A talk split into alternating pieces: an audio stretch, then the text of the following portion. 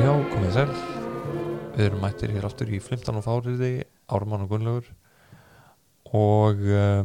við töluðum um það uh, fyrir nokkrum þáttum nokkrum þáttum síðan uh, myndumst á myndumst á, orða, myndumst á, á fyrirbæri þar, Rauðálfur Já, Þetta var í þetta, ég man ekki 13 held ég, já, það var þátturinn um skarpiðin já, og, og hérna kaltæðina emitt emitt, skarpiðin er hérna svona witmaster, hann er Já. hérna eh, meistari í hnitni Ég ef einhver áhörandi er búin að gleyma þætti 13 eða Já. jafnvel ekki búin að hlusta á þrátt 13 og ekki það má alveg hlusta á þættin í öðru mm þá hérna er það þannig að þegar skarpiðin er dregin inn í átök skarpiðin langar ekki til að vera hluta átökunum hann vill Mhm. standa eins og á hlýðalínunni eins og gaggrindi og segja brandara um það sem er hann að er bara gerast svona ábyrðalaus Já. úlingur hann er að reyna að vera ekki á byrja ekki ábyrðin, mér það mistekst mm og þarna er hann dregin inn af því að það er búið að kalla hann og bræður hans taðskiklinga já, og hann verður að vega Sigmund Lambason fyrir þetta og svo þegar hann sér Sigmund þá segir hann sjáuði rauðálfin aha og þetta er svolítið áhugavert vegna þess að Sigmund er búin að fullirða það að karlmennskar félist í því að vera með skegg já, og það er ekki nóg að vera með skegg þú verður að vera með ekta skegg já, en hann er búin að halda því fram að skegg skarpið eins og bræður hans sé sé skítur bara búin til úr ábyrði aha, sé ekki alvöru skegg heldur sé njál einhvers konar galdramaður mhm og hafi náða láta skegglösa síni sína fá skegg með því að setja tað eða úrgang eða bara kúk beinilis mhm, smyrri ég honum framan í það þannig að þeir eru svo sett í raunum veru kvenmenn, dulbúin sem kallmenn já, þetta er, er, hafa verið svívirtir Og- allavega miða við standard svona miðalda Já, og kenning Hallgerðar og Sigmundur er þá, sá, þá er hún svo að karlmennska félist ég verið með skegg já, en nú sittum við hérna báðir skegglausir menn, Já, en við erum náttúrulega með rakvélar í nútímanum og það svona. er rétt, það er Og rétt. reyndar er það þannig og hefur alltaf verið til þannig að sumir kallmenn er ekki með mikið skegg á Nei, náttúrulega nei. hendi. Sem sýnir auðvitað að þessi ofur áhersla í njálu á skeggleysi njáls eru nú tilbúningur. sem sagt. Mhm. Það er alls ekkit þannig að allir kallmenn séu með mikið skegg. nei, nei Þannig að, þannig að en í njálu er þetta gert af miklu máli. Það er Mhm. ekki bara hallgerður sem talar um skeggleysi njáls. Það eru fleiri sem tala um það nei, mitt, í sögunni en Skarpiðin kynir hérna nýtt sjónamið til sögunar þegar hann segir sjáuð í rauðálfin já, hann þú segir hérna, Sigmundur er hérna klættur í raukt og það er kvenlegt já, það, gera hann einhvers konar álfi sem er hugsanlega einhvers konar kvengerfing já, og þar að ekki segir hann þegar hann vegur Sigmund, þú skalt falla í móðurætt já, sem hann, hann, er, að- hann er að reyna að kvengera hann líka eins og, eins og Einmitt, einmitt. Sigmundur kvengerði hann þetta er svo þetta er gífulega brotætt kallmennska þarna Já, hún er bara inn í áleirun svo brottætt að það er eiginlega allt hægt að týna til. mhm, Það eru svolítið fólk, kallmenn fara að grenja, mhm, kallmenn er í vitlisum fötum, kallmenn er ekki með nóg mikið skegg og það sem er- vekur sérstaklega aðtigli er að það eru allskins atriði týnt til sem dæmi um skort á kallmennsku sem koma líka fyrir í öðrum sögum Mm. og, og merkja að það er ekki skort á kallmennsku. Grátur eru þetta eh, sérstaklega já, já, sérstaklega hættur þann kemur fyrir þegar Gunnar á Hlýðalendir sagður hafa grátið og svo kemur ófjöldið Gunnar Lambason í njálsbrennu nei, mitt og segir að skarpiðin sé að gráta og skarpiðin neytar því að sjálfsögðu jú, jú, að engin, engin kallmaður má gráta nema njál njál er reglulega gráti nær þegar hann talar um höskuld fóstursson sinn eftir að höskuldur er vegin veginn, þannig að Njáll hann treysti sér til að gráta þó að aðri gráta ekki og Njáll er Mm. líka fullkomlega áhyggjulaus alla söguna yfir því að vera skegglaus já, svo að Njáll grípur aldrei til vopna þó að menn kalla hann skegglausan nei, mitt, hann í raun og veru skeitir ekki hætishót um alla þessa umræðu nei og sýnir þar með yfirbúra stillingu sem er enda líka einkenna á karl, karlmennum samkvæmt sögunni því að Skarpjörn Já. segir ekki höfum við kvennaskap að við reyðumst við öllu og Einmitt. segir það er bara konu sem reyðast En skarpiðin reyðist hann augljóslega reyðist samt þannig að Mjög oft þannig að það sem sagan einkennast af eru þversagnir það er fullirt að eitthvað sé kvenlegt sem kallmenn gera samt mm það er fullirt að tiltekin föt séu kvenmannsföt og samt eru kallar í þeim það er fullirt að það sé kvenlegt að vera skegglaus og samt eru kallar skegglausir og það er fullirt að kall, það sé kvenlegt að gráta og samt gráta kallar já, þannig í raun og veru dregur sagan mjög skýrt fram mismunin á góðsögnum um kallmennsku og raunveruleikanum við höfum náttúrulega talað eins um uh, við töluðum um að stuttlega í tíunda þætti grátandi elskandur Já, Náttúrulega, í- þar er karlmaður sem grætur hann grætur og grætur og engum finnst það neitt aðtöðvert en hann er líka einhvern veginn þarna á það er þýtt saga reyndar já, vissulega en hann, en sko, hann, hann, hann Flóres er líka einhvern veginn sko er hann ekki einhvern svona korki nýr sko þessi Flóris lítur út þessu stelpa aha, og það er frábært já, já, og sagan er bara hæst ána með það og samt sannar hann sig sem yfirbúra maður já, einmitt þannig að í Flórissögu eru sömu minni og í njálsögu en enginn hefur minnstu áhyggjur af mm þeim uh, í njálu er mikið gert og því að menn hefn ekki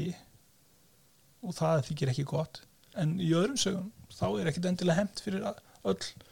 öll svona hæði yrði nei, og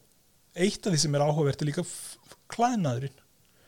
sem sagt eitt, eitt klæðnaður sem vekur mikla, mikinn usla eru slæður sem blosi já, dregur upp og setur á, á bóta bingin Einmitt. eftir láthösku nei, sem sagt, njál setur slæðunar já, já, á já, bingin en flosi bregst illa við slæðunum já, en Egil Skallagriðsson átti slæður já og var bara stoltur af því og það Nei. gerir enginn eitt úr, úr því Nei, eina vandamál með slæðunar hans Egils er að Þorstir sonur hans sem hún nú áður minnst á aha, Hann Fá, fó- fábjónin hann fór í slæðunar og það eruðu skítugar já, og Egil var brjálaður af því að Já. Egil vill ekki að menn hana, Egil ætlaði bara að geima slæðunar í kistu eins og allan sínar eigur Þú veist, hann er svona maður sem lokar eigur sínum í kistu aha, og kemur kannski reglulega og klappar þeim já, en er einmitt, lítið fyrir einmitt. að nota hlutina þetta er hérna, er þetta ekki svona, svona pappin sem leikur sér ennþá með Lego Jú, og hans Lego er allt svona mjög fínt upp á hillu já, sjálfsagt Og gætur bara- sálfræðingar mikið gert úr svona fólki já sem við leggum meira áherslu að sapna og eiga en Já. byrjum að nota Ég veit, en börnin með aldrei snerta þetta Nei, aldrei, aldrei. aldrei. Snerta, aldrei þau með ekki snerta dóti mitt það er Nei. líka ekki dót já, nákvæmlega, þannig er Egil já, en, sem, sagt, það, en engum í eigilsjóðu dettur í huga að eigil verði eitthvað minni karlmaður mm að því að vera með þessar slæður en það sem gerist í, í hérna, njálu er að njál gefur slæðunar og bótarindar sem eru skór eða stígvél, já. summer boots Mhm. já, einmitt, einmitt og en, engin, engin veit að hvað hann gefur þessar bóta og það verður ekkert vesen með þessar bóta það Nei. er allt í lagi að eiga stígvél á þessum tíma já, það er eitthvað svona framsóknarmennska þannig Já, en hann setur silkislæðunar og flósið sér silkislæðunar og fríkar gjörsanlega út já. tekur þeir upp og byrjar að veifa þeim og spyr og hlæja Aha. sem er nú e- svolítið trillingslegt og ekki mjög yfir það Nei, og spyr einmitt, hver gaf þetta hann er auðvitað eitthvað að fela hann er greinilega karlmennska hans er mjög brotætt afskaplega þannig að hann þólir ekki að sjá þessar slæður sem Njáli finnst ekkert mál Mhm. Nei. og Agli fannst ekkert mál og, og það sem verra er að skarpin er hérna stattur og hann er ekki bara stattur hérna heldur er hann með byrjins með props á sér Já, þess að hann er með leikmun í vasanum hann er búin að skarpin er mættur hérna með bláar brækur á sér já, og ekki veit ég af hverju en Nei. hér verðum við að beita willing suspension of disbelief mm mm skarpin er bara fyrir tilvíðun með brækur í vasanum já, og, og hérna þegar flosi fer að hlæja og missir alla stjórn á sér sem er náttúrulega mjög áhugavert í samhengi við það sem skarpjana var áður sagt um, að- Nákvæmlega. um að Karlmenn missa ekki- missi ekki stjórn á sér einmitt uh, þá spyr skarpjana hver heldur að hafi gefið þetta og njáll takk eftir, njáll er mættur hérna en Já. hann segir ekki orð, Nei, hann bara þegir sem vekur upp mikla spurningar um hvað honum gangi til mhm, annarkvort er hann bara orðin heyrnalaus í ellinni mhm eða hann hann og margi varpað varpa fram þeirri kenningu eða hann gefur slæðunar í illum tilgangi bara til að prófa Mhm. hvernig þetta virkar á flosa uh, Já. þannig að flosi veifar slæðunum því jafnvel þó hann væri heyrnarlösn játt þá hafði hann samt séð flosa veifa slæðunum Aha, og skarpiðin segir hver heldur að hafi gefið þessar slæður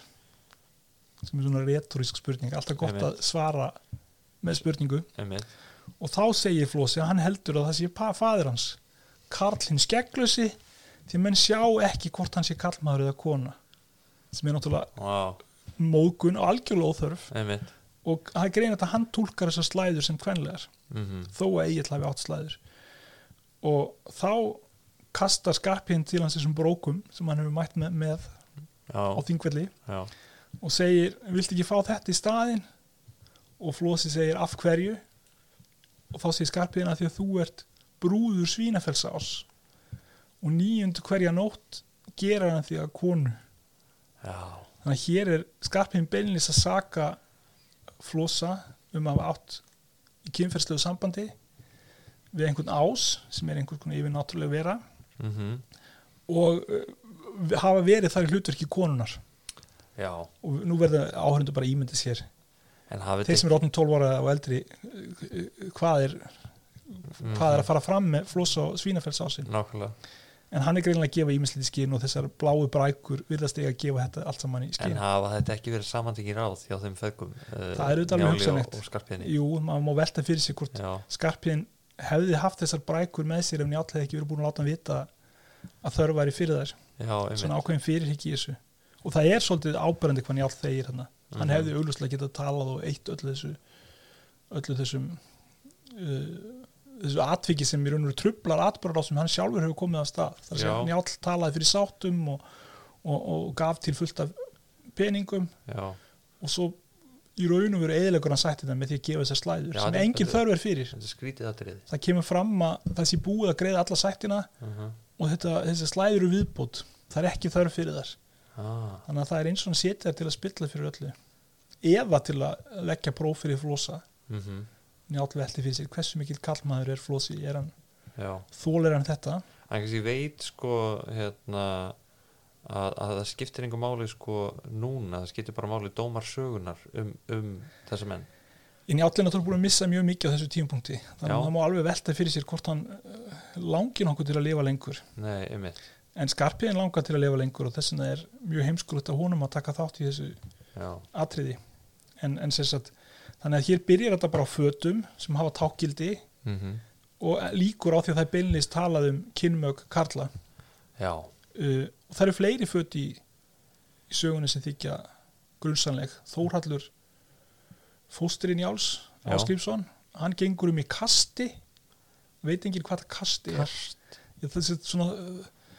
þvottakonur gengur um í kasti löngu setna já, þannig að þetta kast virðist vera einhvers konar kvenmannsflík eitthvað svona vinnuflík Já, og, hvenna og kannski Njálsinir er að hlæða honum fyrir þetta já, og, og þá verðist Þórhaldur vera bara svona í gangi gegnum svona klæskiptingafasa sem er nú ekkit óalgengur hjá ungu fólki sérstaklega nei, lítil, litli strákar já, já, hafa gaman að klæða sig eins og prinsessur jú, jú Þórhall er náttúrulega unglingur og hann, hann sem sagt er, er sem sagt að prófa sig með kastið mhm, og þetta þykir líka greinilega eitthvað vafasamt hvaða kynferði snertir mhm, uh, og setna fellur Þórhallur í yfirlið og það streymur blóð út úr eyrunum á honum já, og honum finnst þetta líka ókarlmannlegt þannig að falli yfirlið er líka ókarlmannlegt já þannig að það er alls og, eins, eins og Flóres. Flóres fjall reglu í Er e- það yfirlið ekki? Já, hann og er- engum, enginn kalla það ókarlmannlegt nei, um einmitt, þannig að það eru alls konar hlutir sem eru lístir ókarlmannlegir í njálu án þess að beinleis að vera það nei og niðurstaðan af þessu er að karlmenn sögunar eru bara skítrættir karlmennskan er í Mhm. mikillega hættu meir og minna allt er túlka sem kvenlegt sem þeir gera en það þýðir auðvitað að, að það er ekkert sem er kvenlegt þú veist, ef allt er kvenlegt þá er hann ekkert kvenlegt Nei, þess að öll einmitt. hefðun karlmanna liggur undir grun Nei, hann er allt einhvern veginn sko bara komið í ring, en styrkir þetta ekki ennþá frekar kenningun einhvern um að, að sko höfundin Njálu sé kona að gera lítið úr köllum Þess að höfundun í álu gæti verið kona eða bara mjög Já. óvinnulegu karlmaður Aha, sem hefur gaggrina afstöðu til já, kynja kerfisins og feðraveldisins kannski en býr samt til svona yfir superpatriark sem er njáll mhm og njáll er þannig talsmaður föður, föður, föðurins mhm hann hefur alltaf rétt fyrir sér en, og sínir hans get ekki yfirgefið hreðrið mm, þeir, hann giftir þá alla snemmi í sögunni og svo hangar alltaf heima hjá honum í staðinn, þeir fara aldrei heima Já, heldur já. hangar hjá honum svo er Gunn njáll alltaf með gæðinga já, sem hann metur miklu meira en sínina sínirnir það er einhvern veginn séð fyrir þeim mhm en gæðingun er alltaf í aðhluturki þannig að allur tímin Njáls sko, í fyrirlutasögunar fyrir ég að styrkja Gunnar á líðarenda Við töluðum um hérna í mannvíkjalegu var það 15. þe- Já, 15. þetta um svona eigðandi hérna vald eh, gamalmenna já, kannski er þetta dæmið það er, það- er, er það ekki svona en þó hérna, ekki á yfirborunu þar sem Nei. á yfirborunu er Njálu höfundur mjög hlindur Njáli Já, já, og Njáll virðist jafnvel vera bara uh, einhvers konar ídeal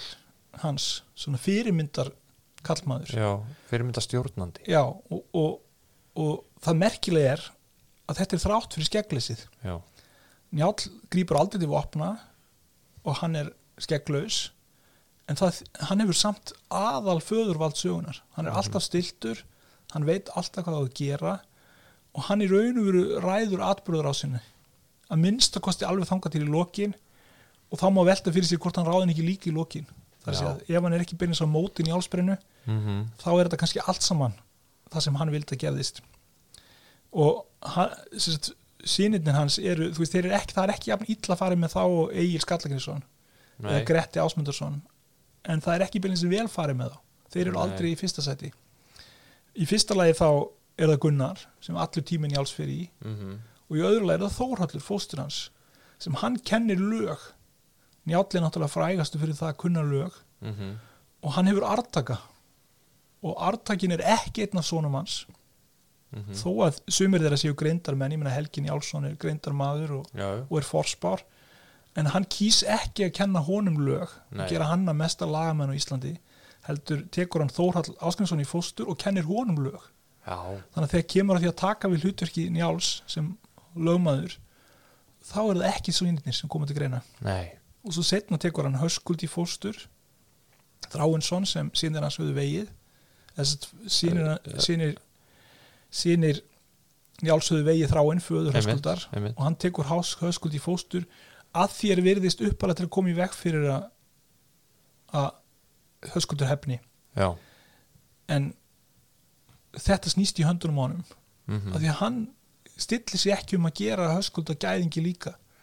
hann útvegar honum góðorð mhm, gerir enga tilhundur að útvega svonum sínum góðorð Nei, en höskuldur fær góðorð og hann fær miklu betra kvonfang en sinirnir og hann svona svona leður undir þetta er í þriðja skipti sem hann leður undir ókunnan dreng en sinirnir virðast vera afskiptir og það er það kannski engin furða þegar Mörður Valkarsson fyrir að ræja höskuld inn í álsinni þá er jarðvegur fyrir það og jarðvegurinn felst í því að Njáll hefur alltaf valið einhver aðra og þegar höskuldur er svo veginn að Njálssonum sem gætu þetta verið út af þessari afbríðsemi sem Njáll ber sjálfur óbeinan beina ábyrð á einmitt þá segir Njáll beinis ég hefði heldur vilja mista marga síni en höskuld Já, og hann, er, þetta er, já og hann talar um líkum hvað hann mikið hann elskaði höskuld mhm, hann er ekkit feimin við að játa ást sína á höskuldi mhm. og að hann sé bara grátandi yfir láti höskuldar Já, Þetta er, já, þetta er uh, ekki fyrirmyndar upp- svona Nei, þetta er svolítið vá fyrirmyndafaðir en ég allir fyrirmynda mörguleiti Nei. en hann gerir samt mistök sem faðir Já, hann er alltaf að, að hlaða undir aðra en m- manni dettur í hugansi líka fyrirmynd höfundar að því leiti hvað hann er örugur í sinni karlmennsku mhm, það er ekki hægt uh, ásakanir, allir karlmenn eru ásakar um skort á karlmennsku þar á meðan njál mhm, en hann kipir sér ekkert upp við það nei hann bara heldur áfram að vera sá sem hann er mhm, uh, hann er bara njá- kallinn skegglusi og mhm. uh, grýpur ekki til vopna og hegða sér bara eins og honum sýnist Já, einmitt, einmitt og veifar slæðanum framan í aðra í lok, lok sögunar Já, þannig að hann er ekkit hrættu við að koma bara og segja hér er ég slæðuna mínar nei En núna langar mig að fara í sko, þetta er náttúrulega eld uh, heitt efni hérna eða, eða uh, og var sérstaklega Já, nákvæmlega hérna svona í í byrjun aldarinnar það er samband Gunnars og Njáls já, þetta við höfum verið að tala hérna um, um kallmennsku og svona já. uh, hvað heldur þú um samband þeirra? Já, það sem gerist er að þegar þeir eru fyrst kynntið til sögu félagarnir þá er sagt þessi um miklu vinnir og unnur Marðardóttir frænka Gunnars byður hann um hjálp að ná fjármönu sínum frá hrúti sem hún hefur skilið við og um, segir hann um að tala við njál því að hann sé mikill vinnur hans og þá segir Gunnar vonir að hann ráði mér he- heilt sem örðum þannig að Gunnar virðist verið að segja uh, þetta er ekkert sérstakt við erum á milli okkar njáls Nei, hann einmitt, ræður mjög, gefur mjög góð ráð og líka fullt á öðru fólki já, hann þarf að taka það fram já, hann sérstaklega. verðist þurfa að taka það sérstaklega fram og hann er í uh, en, en, en eftir það er samt sambandi mjög óbrótkjarnt og allur fyrirluti söguna snýst um þetta samband þar að segja eigin konu þeirra verða óvinir og er allt svo alltaf að drepa mann, menn hvers annars já, og svo mæta hann í all og gunnar og sættast Aha. aftur og aftur og aftur þá sættast þeir já, og meiri sér í lokin þegar Njálsson er vega Sigmund þá vill Gunnar ekki fá peninga fyrir hann og það er Njáls sem kemur og heimtar að borga og þetta finnst Gunnar svo vandræðilegt að hann eh, vill ekki fa- leita til Njáls þegar hann síðan vantar mat og hei mm og fer til Ottkels í staðin sem leiðir til endalusum vandamála já, já en Njál mætir þá með klifjaður af mat og hei til Já. Gunnars hann hefur fréttað þessu Já, og þá segir Gunnar uh, góðar eru gjafir þínar en meira virði er vinatta þín og svona þina, segir hann, svona í loki af Aha, einmitt. því að Gunnar er ennþá svona að reyna að segja að þetta er nú ekkit sérstætt svona á milli okkar nei. Ertu Og- að í að ekkur í hérna um samband þeirra? Ég, sem sagt, mann grunar að að fólk kipir sér upp við þetta Hallgerði virðist vera illa Mm -hmm. við vináttu Gunnarsson í átt því hún er alltaf að reyna að spilla fyrir henni og um, Gunnar er svo sakaður um að gráta og það er spurningin hvað er það sem hann hefur gert sem veldur því að fólki finnst hann hafa gefið högsta á sér og þá er það sennilega þessi vináttu að Gunnarsson í átt fólki Mm. hér hann hefur verið að tala um það er svolítið skrítið hvað þeir eru mikið saman því þeir eru ekkert skildir og, og eru bara alltaf, lífirist bara að lifa eftir hvort fyrir annan einmitt, einmitt þannig, að- þannig að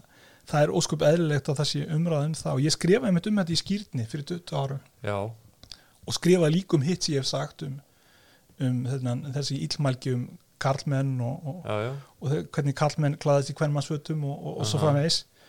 en Og- þessi skýrnisgrein, hún Já, hérna hún var mjög vinsæl af konum og yngra fólki ok, en hún var mjög óvinsæl af köllum yfir 50 sko ég er einnig mann uh, umtalað um það, uh, njálumyndin sem var gerð Já, uh, hérna með Hilmi Snæ í hluturki Gunnars og hún Margrét hérna stólið úr mér uh, nafnið, Vilhjámsdóttir, já í hluturki Hallgerðar og þar koma nokkri fræðimenn í til lokmyndan dæmis ég nákvæmlega og tala saman og það er til dæmis uh, þú og síðan Jón Böðvarsson mikill njálu Já, fræðingur einmitt, sem uh, þá var er, á áttræðisaldri nákvæmlega og hann var ekki til í að honum fannst þetta einhvern veginn aldrei óviðurkvæmilegt að vera hvaða í að einhverju sk- sérstöku sambandi Gunnars og, og Njáls Sett umræðin um, um svona kynferði og kynferðismál var svo já, skamt á veg komin árið 2000 já, að það var til fólk, sérstaklega eldri kallmenn sem túlkuðu mína grein þannig að ég hefði sagt að allir kallmenn í söguna varu hommar já og ég var bara fyrir þessu aftur og aftur að fólk kom og sagði hann hefur bara haldið fram að allir kallmenn í söguna séu hommar og ég held að allir sem hlusta á þennan þátt heyri á minni lýsingu að þetta er ekki beilins það sem ég er að segja nei, En ég var meðan að spurður, uh, telur þú að Gunnar og Jáll hafi ha- haft í kynferðisambandi já, og ég sagði, sagan segir ekkert um það til eða frá og nei þetta fó mjög illa í kallmenni og 50 Þess að þeir vildi að ég segði, nei, nei, alls ekki og, Einmitt. og, og, en í raun og veru segir sagan ekkert um það, það er bara vináttu sambandir er svo náið já, að það er greinilegt að fólk heldur ímislegt en ég meina maður getur alveg átt sálufélaga af sama kyni og það þarf ekki að vera einhvern uh, hérna, Já, já, og eru öll ástarsambund kynferðisleg nei, nákvæmlega og svo framvegis, ég meina, og það er eins með njál og höskuld, þetta er greinlega einhvers konar ástarsamband uh en þetta virðist nú líka svona foreldri og batni frekar en nokkru öðru Já, ég held að Gunnar, já sko, ég myndi ég held að Gunnar sé nú einhvern veginn meira svona, já, hann er hlutur ekki barnsins í þessu sambandi, eða ekki? Já, en þeir njál og Gunnar eru samt meira svona sama aldri þannig að, Já. þannig að þetta er ekki alveg jafn augljóst að- að Gunnar sé svonar ímynd njál sem hann gæti samt verið þannig að, þannig að þetta þessar viðtöku voru svo mjög, mjög áhugaverðar og ég skrifaði svo aðra greinum þetta á ensku að því mér, ég hefði fengið fleiri hugmyndir síðan ég skrifaði í fyrra og þá voru viðbröðin allt önnur Nú? já já, það var engi sem skildi þá grein þannig að ég hefði sagt að þeir var allir hommar Nei, ok. og það segir auðvitað okkur svolítið, auðvitað var svo grein fyrst og næst lesin af fræðimönnum Aha, og fólk bara lasa því að sagði í greininni en ekki einhvern svona lasa ekki úr henni eitthvað sem ég hafði ekki sagt Nei, einmitt, einmitt þannig að þetta var svolítið skemmtileg viðtökur rannsóks ég Já. var til úr þessu Já, en það var, það sem ég varst mest áhugavert var einmitt hvað þessi túlkuna ég hefði hommavætt njálu var öll bundin við kallmenn yfir 50 já, og og bara ímsa ég er ekkert vissum að þessi allir stoltir yfir í núna nei, þessum nei. viðbröðum þannig að, þannig að, þannig að en gven, konur, sérstaklega fræðikonur voru mjög hrifnar að þessari grein og Já. notaði hann talsveit í kjenslu vegna þess að það, það sem hún í raun og veru segir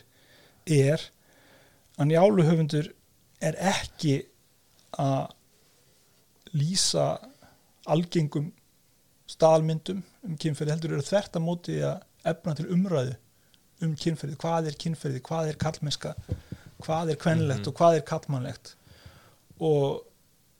njáluhöfundur stendur með kallmennum sem eru kvenleir eða eru sakaður um að vera kvenleir Mhm. en ekki með þeim sem saka aðrum að vera uh, einhvern veginn ekki viðegandi í sínu kynhluturki nei. og þess vegna á þessum tíma ára 2000 var auðvitað engin umræða um svona uh, trans fólk nei, en auðvitað er þetta áhugaverður texti fyrir alla sem vilja